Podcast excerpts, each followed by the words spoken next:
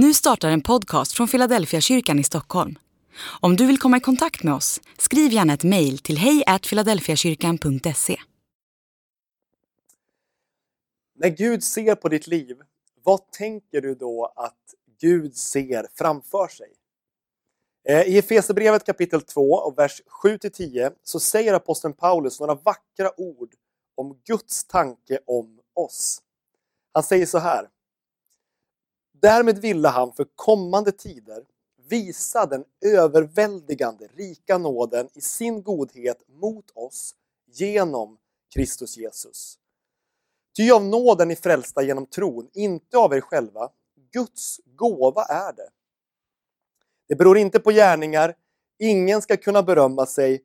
Vi är hans verk, skapade genom Kristus Jesus till att göra de goda gärningar som han eh, som Gud från början har bestämt oss till.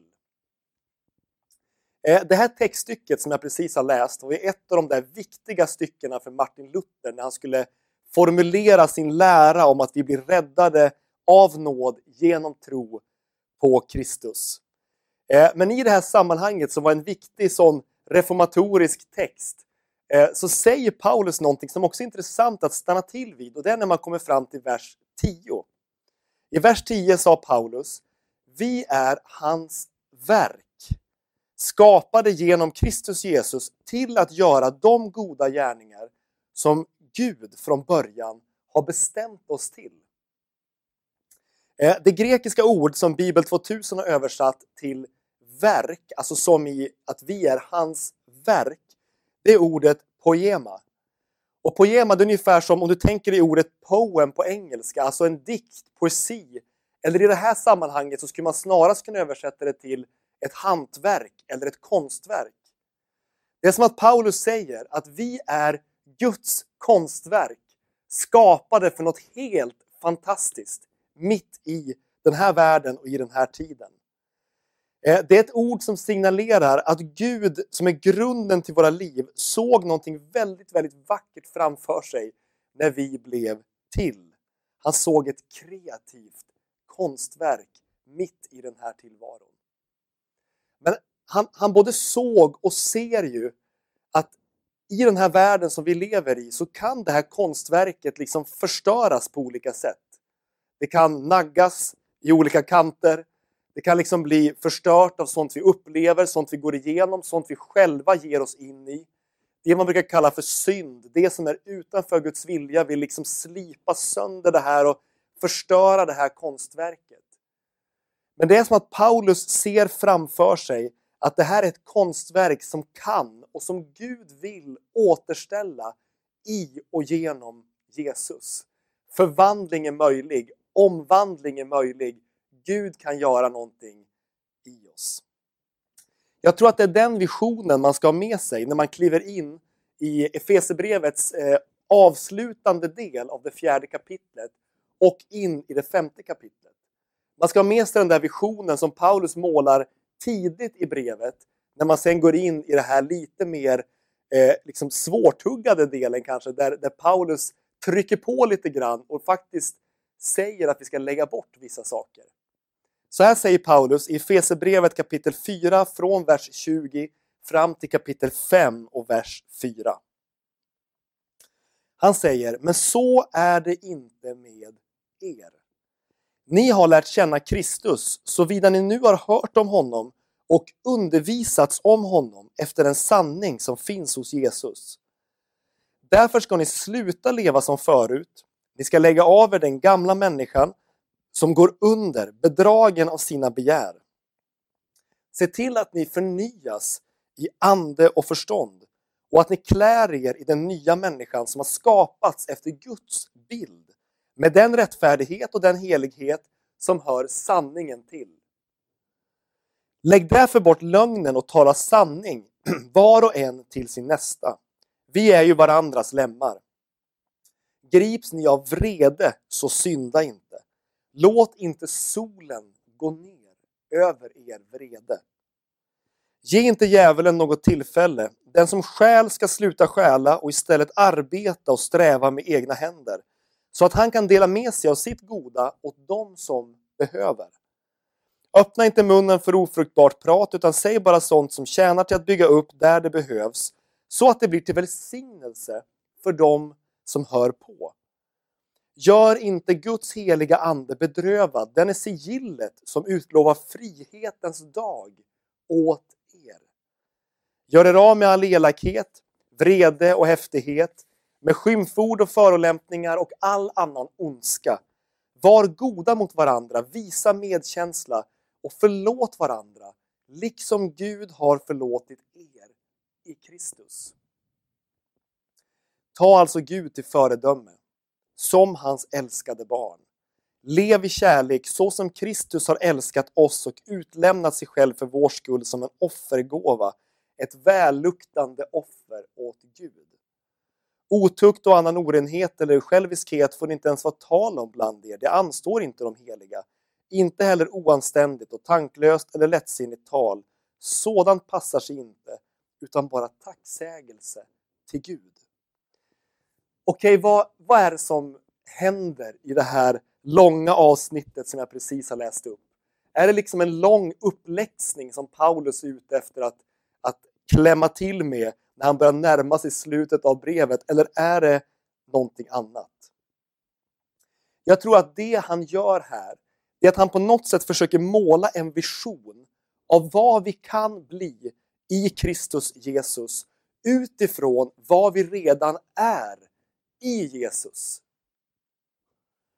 Man kan ju tänka att Paulus låter lite gnatig när han liksom radar upp område på område som han uppmanar läsarna till att göra av sig med eller lämna, gå bort ifrån. Sluta med det, sluta med det här, lägg bort det där. Men, men det är intressant att lägga märke till den grund han lägger för att lämna destruktiva vägar, dåliga val eh, och det som är onda liksom, makter som påverkar oss. Va, va, vad lägger han för grund för att ta de stegen? Han sa ju så här i början av det här textstycket vi läste. Ni har lärt känna Kristus.